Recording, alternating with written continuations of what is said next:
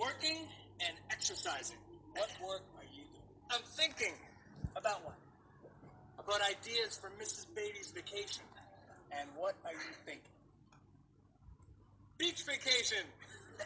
I have to finish this. Can you go exercise somewhere else? No problem.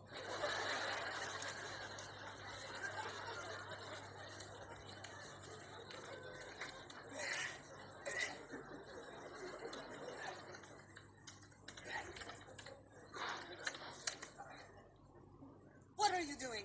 I'm getting in shape. Why are you doing that here? Why don't you go to a gym? Or the park? Or outside? Or home? I don't have time to go to the gym.